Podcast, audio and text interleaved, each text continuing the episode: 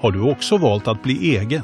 Då är det viktigt att skaffa en bra företagsförsäkring. Hos oss är alla småföretag stora och inga frågor för små. Swedeas företagsförsäkring är anpassad för mindre företag och täcker även sånt som din hemförsäkring inte täcker. Gå in på swedea.se företag och jämför själv.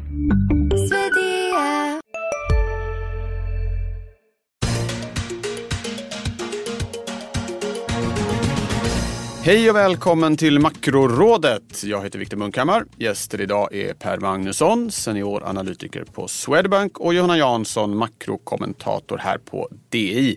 Välkomna hit. Tack. tack. Det är onsdag den 27 september när vi står här.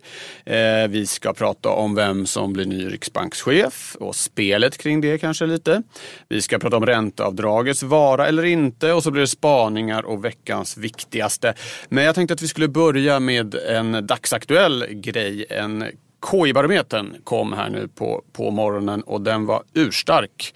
Eh, Johanna, en kort kommentar. Vad tänker du kring de här siffrorna? Det var exempelvis ännu ett rekord för tillverkningsdelen av den här barometern. Ja, och det är produktionsplanerna som stiger och det är ganska närliggande att man faktiskt planerar för att göra mer. Och det stämmer ju med det vi ser i termer av konjunkturindikatorer, att det pekar på sig i Europa. Vi ser en återhämtning för maskininvesteringar globalt och sådär. Sen är det, vet vi också att byggindustrin har varit väldigt stark i Sverige. De, de blir lite mindre optimistiska, fast de är fortfarande väldigt optimistiska. Mm. Så det kanske är en liten, ett litet moln på den här ljusa konjunkturhimlen. Lite intressant ur ett riksbanksperspektiv kanske också att detaljhandeln eh, tänker sig att eh, höja priserna. Precis. Det är ju en ljus konjunkturhimmel, bara små moln. De, eh, eh hushållen är, har ju varit lite försiktiga hittills. Eh, och fortsatt att vara det ändå förhållandevis givet hur starkt mycket annat går. Arbetsmarknaden går ju jättebra i Sverige och sådär. Mm. Så att, eh, men det borde ju finnas fler som har råd att betala mer då kanske. Ja, ja. Per, vad, kort, kort kommentar från dig också. Ja, alltså som ränteanalytiker får man väl säga så här att det är ju toppen att det går bra för industrin. Eh, men vad kommer det betyda för inflationen? Och det är det som är den springande punkten. Och då är det intressant att det finns lite prishöjarplaner. Eh, men eh, samtidigt så är jag skeptisk till att det kommer bli så mycket högre priser. Så att det är bra för konjunkturen men ehm, det ska slå igenom på inflationen för att det ska verkligen betyda något för Riksbanken. Ja, okej. Okay. Och det för ju på ett elegant sätt eh, över oss till nästa ämne, nämligen just Riksbanken. Eh, det är ju så att eh, Stefan Ingves, alltså riksbankschefens mandat löper ut vid årsskiftet. Då har han suttit i 12 år. Eh, på fredag håller riksbanksfullmäktige, som är det organ som utser riksbanks, eh, både riksbankschefer och eh, andra medlemmar i direktionen, håller ett möte och ordföranden där, Susanne Eberstein, har sagt att det ska komma ett besked i god tid före årsskiftet. Så det är en del fokus på det här fredagsmötet. Då. Till att börja med Per, tror du att vi kommer få veta på fredag eller dröjer det ytterligare? Det finns två möten till de har på sig innan, innan klockan slår så att säga.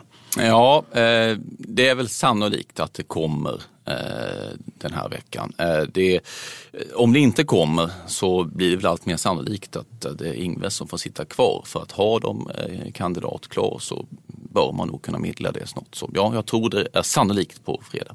Johanna, tror du vi får veta övermorgon? Ja, men jag är lite nyfiken Per, för att, eh, hur du menar. För att om de kommer med en ny kandidat nu på fredag, vinklipper man inte den sittande ordföranden och Ingves inför de nästkommande mötena här på slutet av året? De säger att, de säger att det blir Carolina Ekholm eller som nu är statssekreterare hos Magdalena eller Jens Henriksson eller som är på Folksam.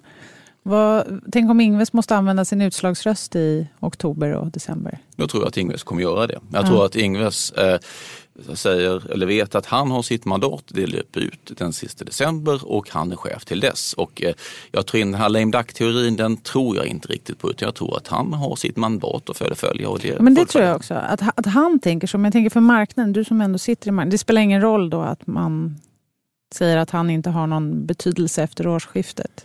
Jag skulle säga så här, det är ändå ingen som tror att Riksbanken gör något stort i eh, oktober eller december utan ska det hända grejer på Riksbanken så är det ju från och med nästa år och då, eh, om han inte är chef då, då, då är det det ska hända. Så jag tror inte det har någon jättepåverkan eh, att han skulle vara någon slags lame duck. Eh, särskilt som jag tror att han kommer fortsätta att föra sin politik på exakt samma sätt som om man inte hade utsett en efterträdare. Ja, Okej, okay. Lite osäkert men du lutar åt att vi får ett besked på fredag. Då är ju nästa fråga, eh, vem blir det då? Det, Caroline Ekholm som du var inne på Johanna, eh, som ju tidigare var, satt i, i Riksbankens direktion, sen blev statssekreterare på Finansdepartementet under Magdalena Andersson har ju varit favoriten och är väl fortfarande det.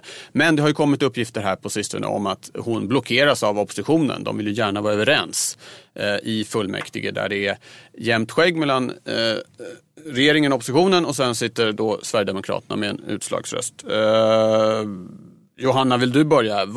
Vem, vad säger du kring det här? Vem, vem blir det? Alltså jag tänker att de kommer titta på så många olika faktorer. Det ska vara någon som kan leda Riksbanken, det ska vara någon med en bra, akademisk, eh, bra akademiska meriter som kan åka ut och träffa de här andra högdjuren eh, på möten i OECD och på IMF och sådär. Och tyvärr säga då, så hade ju Carolina varit en perfekt kandidat här. Hon har erfarenhet från Riksbanken, hon har den akademiska meriterna och hon är också van vid den här typen av internationella möten som sagt, tyvärr så är hon då färgad av att hon sitter som statssekreterare hos Magdalena Andersson. Det har hänt förut att man har plockat folk från politiken. Jag anar att Per inte håller med här, men jag tycker att det är ett problem om man blir osäker på eh, om, man, om man är för nära politiken. Och därmed så tycker jag att det är de andra kandidaterna som man då har pratat om som är bland stalltipsen. Här. Thomas Östros till exempel på IMF. Han är absolut en politiker. Han har varit minister dessutom. Därför tycker jag att han vore fel.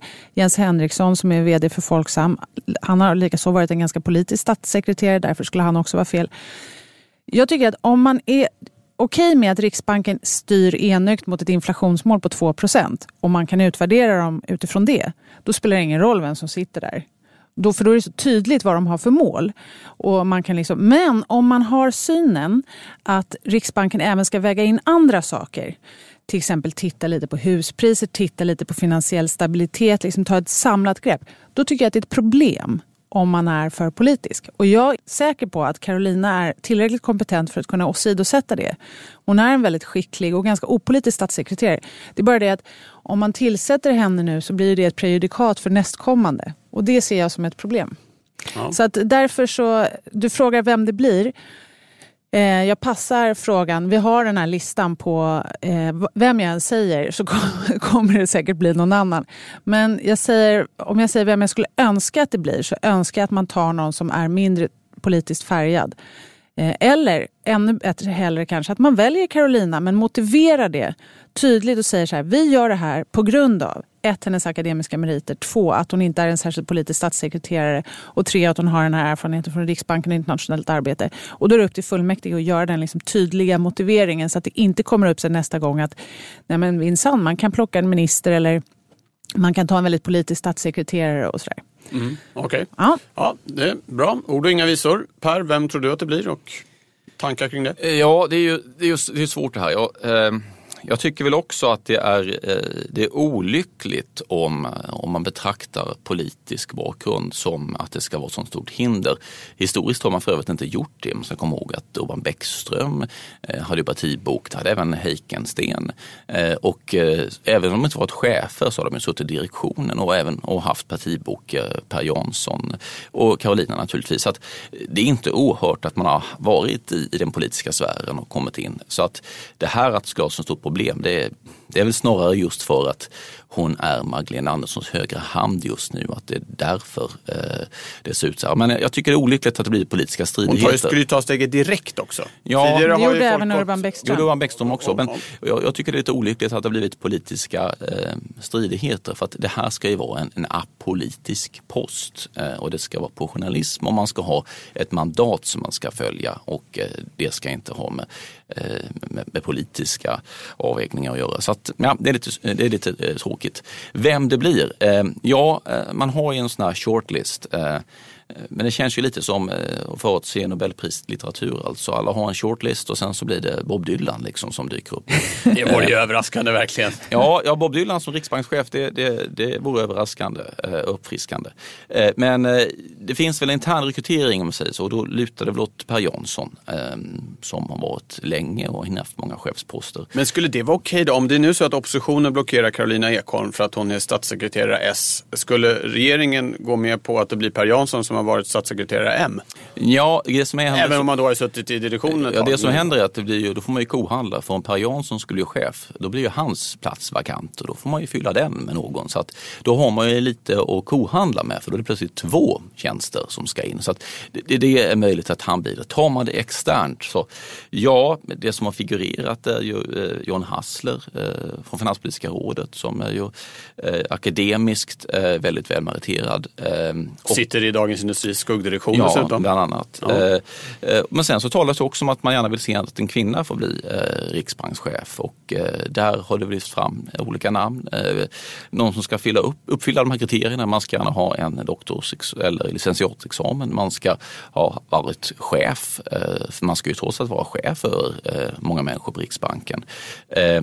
Och inte ha partibok om det är viktigt. Ja, en sån som Javiera Ragnarts till exempel som nu är på AMF eh, figurerar också. Så, eh, ja, vi får se vem det blir. Det kan bli vem som helst. Ja, eh, okej. Eh, vi kan väl bara nämna om de som inte har följt det här i- liksom i detalj. Några namn har ju flugit runt här inne, men då Jens Henriksson som då nu är vd på Folksam. Thomas Östros nämnde du, eh, Javiera Ragnarts. Eh, Kerstin Hessius har det pratats om också som har suttit i direktionen, vd på Tredje AP-fonden. Eh, vad har vi mer för, eh, och så om man skulle Det ta finns några internt. internationella eh, högoddsare kanske också. Stefan Gerlach har varit en sån som har varit på... eh, Och sen, sen finns det ju den här teorin om att just för att man inte kan komma överens och att det är ett låst läge att Ingves, trots att han har suttit i 12 år, faktiskt får förlängt. Men kanske inte då med de vanliga fem eller sex åren utan någon kortare period att han får sig två eller tre år och så skjuter man problemet lite framför sig. Vad tror ni, kan det vara så det landar liksom? Att man, det är svårt att fatta beslut så vi fattar inget beslut. Ja, Ingves är ju en nödlösning som absolut. Sen så är det så att han kommer ju falla för åldersstrecket. Och man, så han kan ju knappast sitta alla sex åren. Eh, Han är 64. Ja, men 67 är ju egentligen att då ska man ju sluta som statlig Kan man inte hävda, peka på Gällen och Draghi som är 70 plus båda två? Ja, Alltså jag tycker men- det, är, det, är inte en, det är inte en dålig lösning. Alltså en, en, ett plus med det tycker jag skulle vara att man från fullmäktige då visar att man ändå har förtroende för Riksbanken i att sköta sitt jobb. Att man säger så här, ja men vi litar på att ni, det är ändå en direktion som har fattat för det, liksom de här besluten kring räntepolitiken nu. Ibland så framställs det ju som att Ingves själv rattar räntepolitiken. Eh, men det är ju faktiskt en, den här kan sexmannadirektionen. nämna för de som inte vet det, Ja. det kanske många inte gör, att du har ju faktiskt jobbat sju år på eh, Riksbanken. Ja, inte så Johanna. länge, Var men- inte så men- länge? nej. Många år i alla fall. Eh, Ja, precis. Du har sett Fyra- det från, fyra insi- år i du alla har sett det från Ja. insidan åtminstone. Nej, men, Ja. och, men det kan man ju läsa protokollen också och se att det är inte bara Ingves som har rattat den här penningpolitiken som har varit. Men det framställs ju kanske lite så. Och då kan man ju säga att skulle de ge honom förlängt i tre år till till exempel. Så ger man ju faktiskt ett förtroende, alltså visar att man har ett förtroende för att den här institutionen faktiskt kan sköta sitt jobb. Jag tycker inte det är en helt... Eh, det är ingen dålig lösning. Jag skulle inte se det som en nödlösning. Jag skulle se det som en ganska bra lösning. Ja. Sista, Och också någon som har en väldigt stor erfarenhet. Vi tonar ju ibland ner det, men Stefan Ingves har ju, om man är intresserad av någon som har en erfarenhet av finansiella kriser, då är han ju rätt man för jobbet. ja. Eh, Det är ju eh, en, annan fråga då, spelar det någon roll vem som är eh, riksbankschef? Vi pratar namn och det är spännande och roligt och vem ska bli, men har det så stor betydelse? Vad har för det för blir- betydelse för marknaden? Ja, och liksom penningpolitiken. Vad, tror du Per, är Jo. det så Jag, jag viktigt? tror att det är viktigt men kanske inte lika viktigt i närtid eh, som många tror. Eh, det är ju så här att Riksbanken är ju ett, Eh, det är ju ett verk som ska förvalta ett mandat och mandatet är det som gäller eh, till dess man har ett annat mandat. Eh, och därför tror jag att under 2018 till exempel när vi fortsatt kommer ha samma mandat då kommer det inte vara så personberoende. Däremot så är det ju så att det kommer en större riksbanksutredning 2019 Eh, och den ska man kanske vara med och påverka och utforma och efter den har lagts fram, om det blir några större ändringar, då är det relevant vem som sitter i ledningen för Riksbanken. Så jag skulle säga för 2018 års penningpolitik inte eh, så avgörande vem som, som sitter som chef. Men eh, påverkan av utformningen av eh, kommande finans, eller penningpolitik, där kan det vara relevant vem som kommer.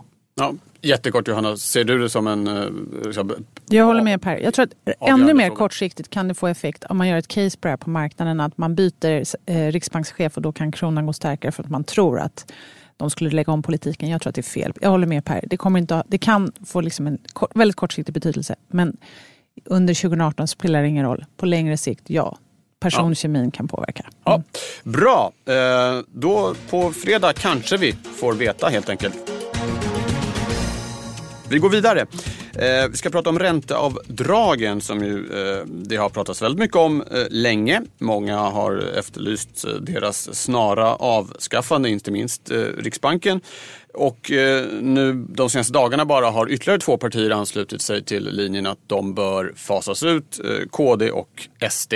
Och det är egentligen bara, eller det är bara Socialdemokraterna och Moderaterna, de två viktigaste partierna. Inte så bara. som, nej, det är inte så bra. Som, som liksom inte har satt ner foten i den frågan. Eh, vad ska man tro? Eh, ryker avdraget under nästa mandatperiod, Per? Ja, jag tror att eh, det kommer att eh, fasas ut under nästa mandatperiod. Eh, sen är det ju spännande att se. Hej, Ulf Kristersson här. På många sätt är det en mörk tid vi lever i. Men nu tar vi ett stort steg för att göra Sverige till en tryggare och säkrare plats. Sverige är nu medlem i Nato. En för alla, alla för en. Där det finns ett samhälle, där finns det brott. Krimrummet är podden som tar brottsligheten på allvar. Jag bjuder in landets ledande experter och tar upp aktuella rättegångsfall för att begripliggöra den kriminalitet som kryper allt närmare. Du, alltså, du kan knäcka ett eller några gäng, men det kommer komma nya och så kan vi knäcka dem sen. Men att du ska knäcka allt forever, det kommer aldrig ske. Det är infinite gain. Lyssna på Krimrummet, en podd från Expressen med mig Kim Malmgren. Eh, hur man gör det om man väljer att göra det symmetriskt. Att om man tar bort ränteavdraget så ska man också ta bort beskattningen på, på eh, intäkter från ränta och annat kapital. Eh, och gör man det, då är det ju samma sak som att strama åt penningpolitiken. Det får ju samma effekt i alla fall. Det blir ju dyrare att låna pengar och du får bättre avkastning på att spara. Så det minskar ju viljan till att låna och ökar viljan till att spara. Alltså en åtstramningseffekt. Och det får Riksbanken ta med i beräkningarna. Ser man... Stefan Ingves har sagt att om man skulle avskaffa det i dagens ränteläge så vore det ungefär som att höja räntan två gånger. Alltså med ja, det stämmer mycket väl faktiskt. För ser man på den genomsnittliga bolåneräntan som hushåll har idag, eh, ligger ungefär på 1,8 procent.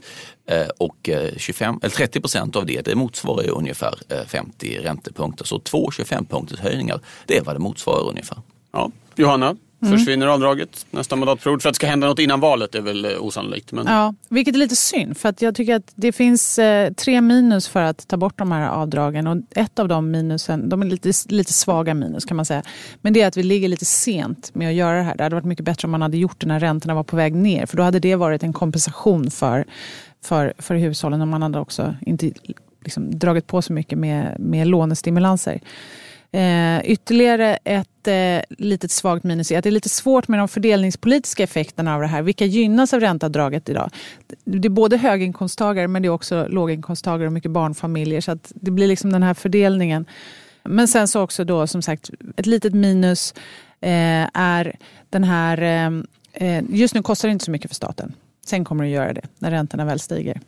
Men Ungefär 24 miljarder va? tror jag kostnaden är i dagsläget. Med det här ja, jag vet inte. 15-20 miljarder enligt ja, KI ja. säger de nu. Men eh, 2020 så väntas kostnaden stiga till över 30 miljarder. Ja.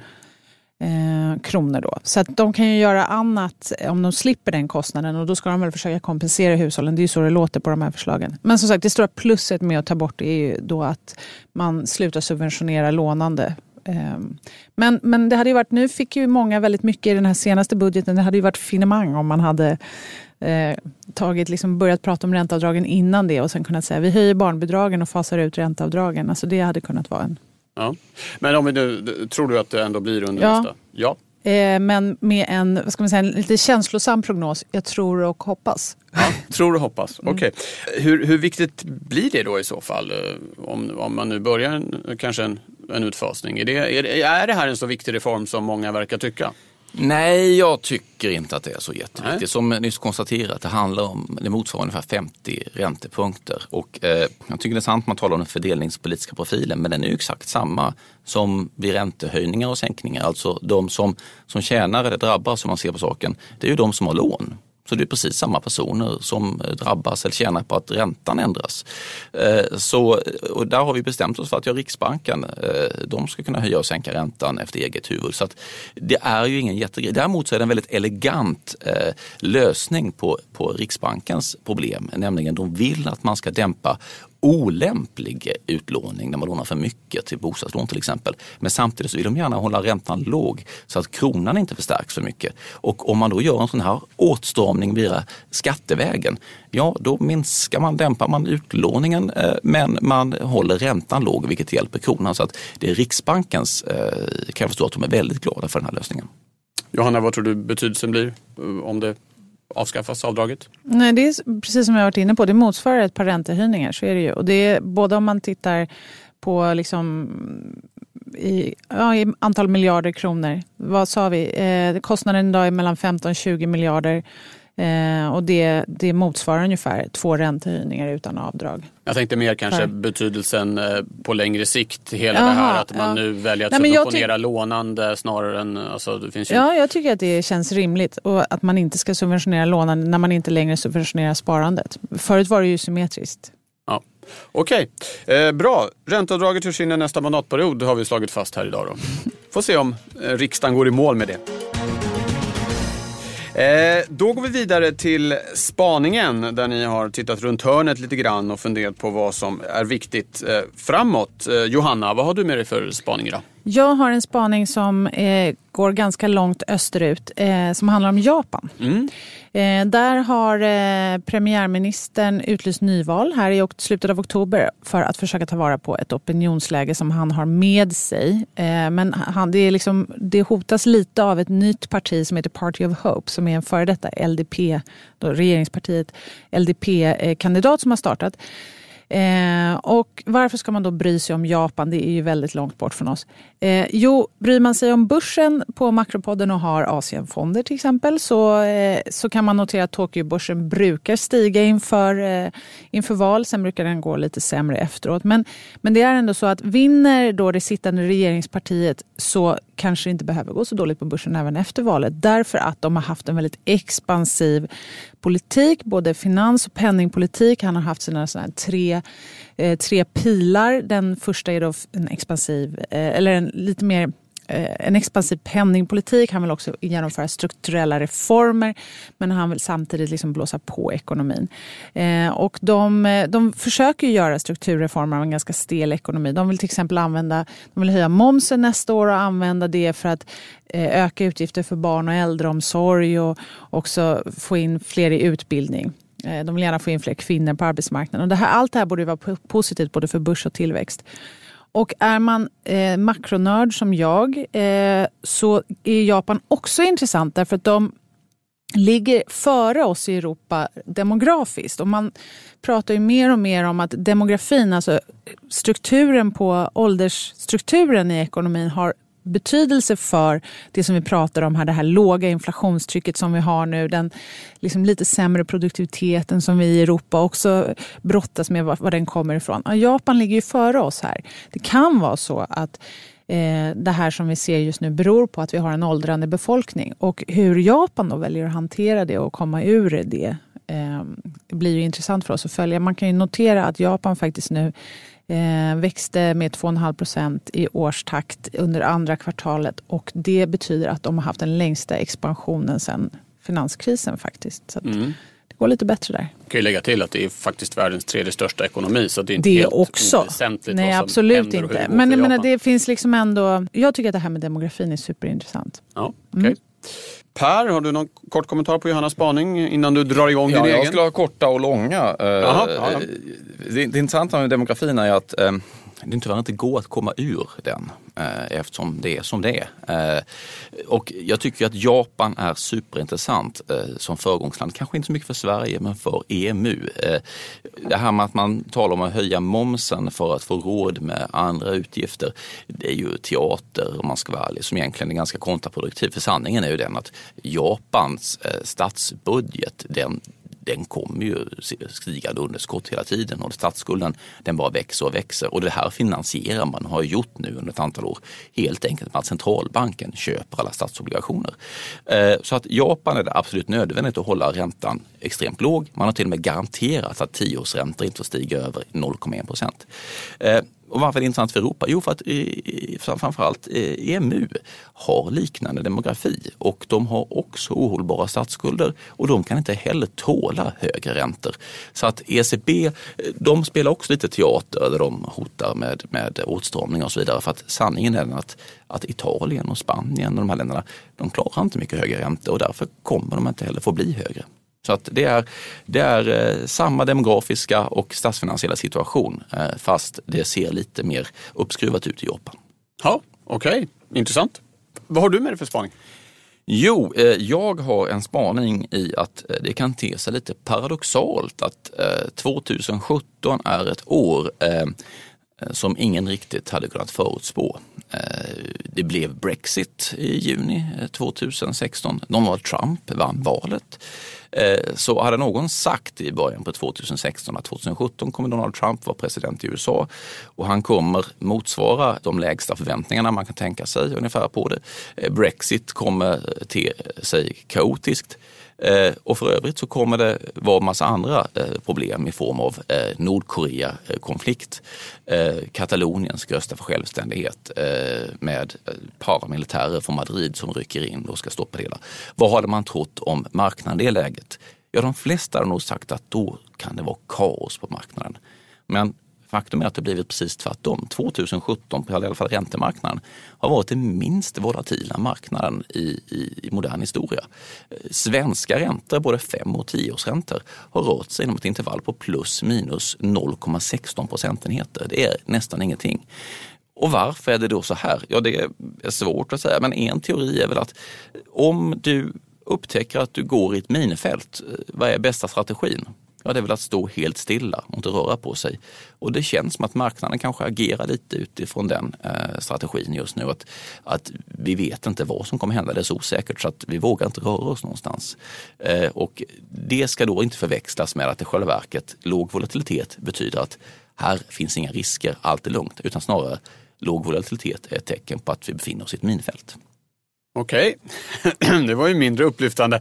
Eh, Johanna, har du någon reaktion på, på minfältet? Ja, på minfältet. Ja, ja, nej, men jag håller med Per. Jag tycker att det är... Eh, vi vet att antalet liksom, konflikter och demonstrationer och sånt har ökat. Att vi är inne i en period som är betydligt stökigare politiskt än vad den har varit på eh, nästan två decennier innan. Och ändå så har det haft väldigt liten effekt på, på marknaden. Och tittar man på, lägger man, det finns, när, det finns ju sätt att mäta det här, man försöker mäta politisk osäkerhet. Och lägger man ett sånt index för USA eh, över eh, eh, såna här beräkningar på P tal på den amerikanska S&P 500-indexet så brukar de faktiskt följa varandra ganska väl. Det vill säga ökad politisk osäkerhet brukar dämpa börskurser till exempel. Och eh, men det har det inte gjort, utan det är ett gap dem, dem emellan som började egentligen i början av 2016 och har vidgats sedan dess. Och ska man tro på att vi ska tillbaka till något slags historiskt mönster, ja, då ska ändra så ska priset på aktierna eh, gå ner eller så ska den politiska osäkerheten minska då. Eh, så att, ja, jag håller med Per, det är ett bedrägligt lugn. Okej. Okay. Vi går vidare till den sista punkten, eh, nämligen veckans viktigaste och då blir vi lite mer närsynta. Vad helt enkelt är det ni kommer att hålla koll på under den kommande veckan? Vad blir det som liksom blir avgörande? Johanna, vad ska du titta på? Jag är lite sugen på att få en bättre lägesrapport när det gäller konjunkturen. Vi, pratade, vi började podden här med att prata om den svenska konjunkturbarometern. I veckan som kommer kommer ytterligare konjunkturstatistik. Eh, inköpschefsindex både globalt och eh, för Sverige. Och de här indexerna har ju varit långt ifrån perfekta. De har liksom visat en större optimism än vad som faktiskt har blivit utfallet sen när man har fått reala eh, BNP-statistik och sådär. Men det är ändå en fingervisning. Just nu känns det lite riktningslöst, eh, om man får säga så, på eh, på marknaden. Det finns liksom ingen... Man, vi står och väger. Är vi på, var, var är vi på konjunkturdagen? Liksom, är det morgon, middag eller kväll? Och jag skulle vilja få en bättre fingervisning. De här är i alla fall en del i det pusslet. Så de kommer jag att titta lite på. Och ytterligare godis för såna här statistiknördar som jag. Eh, kommer då. Det finns det också dels de här preliminära inköpschefsindex men det är också Tankan-rapporten för Japan. Mm. Och sen eh, ISM som också är ett inköpschefsindex för USA. Första Tack. vardagen. Mm. Per, vad kommer du hålla ögonen på? Jag kommer hålla ögonen på eh, det som vi inte riktigt eh, vet hur det kan bli. Knyta an till det här minfältet, nämligen geopolitik i stort. Mm. Eh, vi har ju nu under ett antal månader haft det här nordkoreanska svarta molnet hängande över oss och eh, där vet man ju inte vad som kan hända. Eh, däremot det som vi nog vet kommer att hända det är att det kommer försöka hållas den här folkomröstningen i Katalonien på söndag. Och eh, där har ju spänningarna stigit eh, enormt. Eh, Spanien har ju hanterat det här på ett helt annat sätt än vad till exempel Storbritannien eh, gjorde när skottarna ville folkomrösta. Då, då sa ju britterna okej, okay, fine, då får ni säga ert och så håller ni folkomröstningen och, och sen får förhålla oss till det. Spanien har ju en helt annan historia eh, som går långt tillbaka eh, mellan centralspanien och Katalonien. Eh, och eh, Franco kan ju kännas som att det är länge sedan men det var ju faktiskt bara fram till 75 som eh, han, han stannat och då kände sig katalonerna som under stöveln. Och det här ekar ju lite av detta för katalonerna när Spanien skickar in eh, polistrupp papper för att arrestera eh, politiker, att eh, beslagta valsedlar och, och, så vidare för att förhindra detta. Och det, problemet är att det, det står ju tillbaka för att de som är separatister, de har ju sagt att de vill separera sig för att de anser att de är under Spaniens stövel. Och detta bekräftas ju då av spanjorernas agerande. Så att eh, om vi på måndag har haft en folkomröstning, separatisterna har vunnit folkomröstningen, då kan spänningarna stiga rejält i Spanien och det kommer ju att ha konsekvenser konsekvenser eh, potentiellt för, för hur man agerar även på räntemarknaden. ECB lär nog inte vara sugna på att göra någonting som kan skapa större oro i sydeuropeiska statsobligationer ifall man redan har en sån spänd politisk situation. Ja, Okej, okay. på söndag alltså ska vi hålla koll på vad som händer i Katalonien. Bra, tack ska ni ha för idag. Tack ska du ha som har lyssnat. Eh, vi är tillbaka igen den 11 oktober. Håll ut till dess. Hej så länge! Makrorådet från Dagens Industri Podden klipps av Umami Produktion. Ansvarig utgivare Lotta Edling.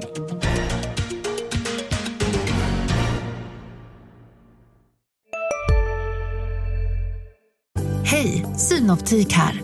Hos oss får du hjälp med att ta hand om din ögonhälsa. Med vår synundersökning kan vi upptäcka både synförändringar och tecken på vanliga ögonsjukdomar. Boka tid på synoptik.se. Hej, Susanne Axel här. När du gör som jag och listar dig på en av Krys vårdcentraler får du en fast läkarkontakt som kan din sjukdomshistoria. Du får träffa erfarna specialister, tillgång till lättakuten och så kan du chatta med vårdpersonalen. Så gör ditt viktigaste val idag, lista dig hos Kry.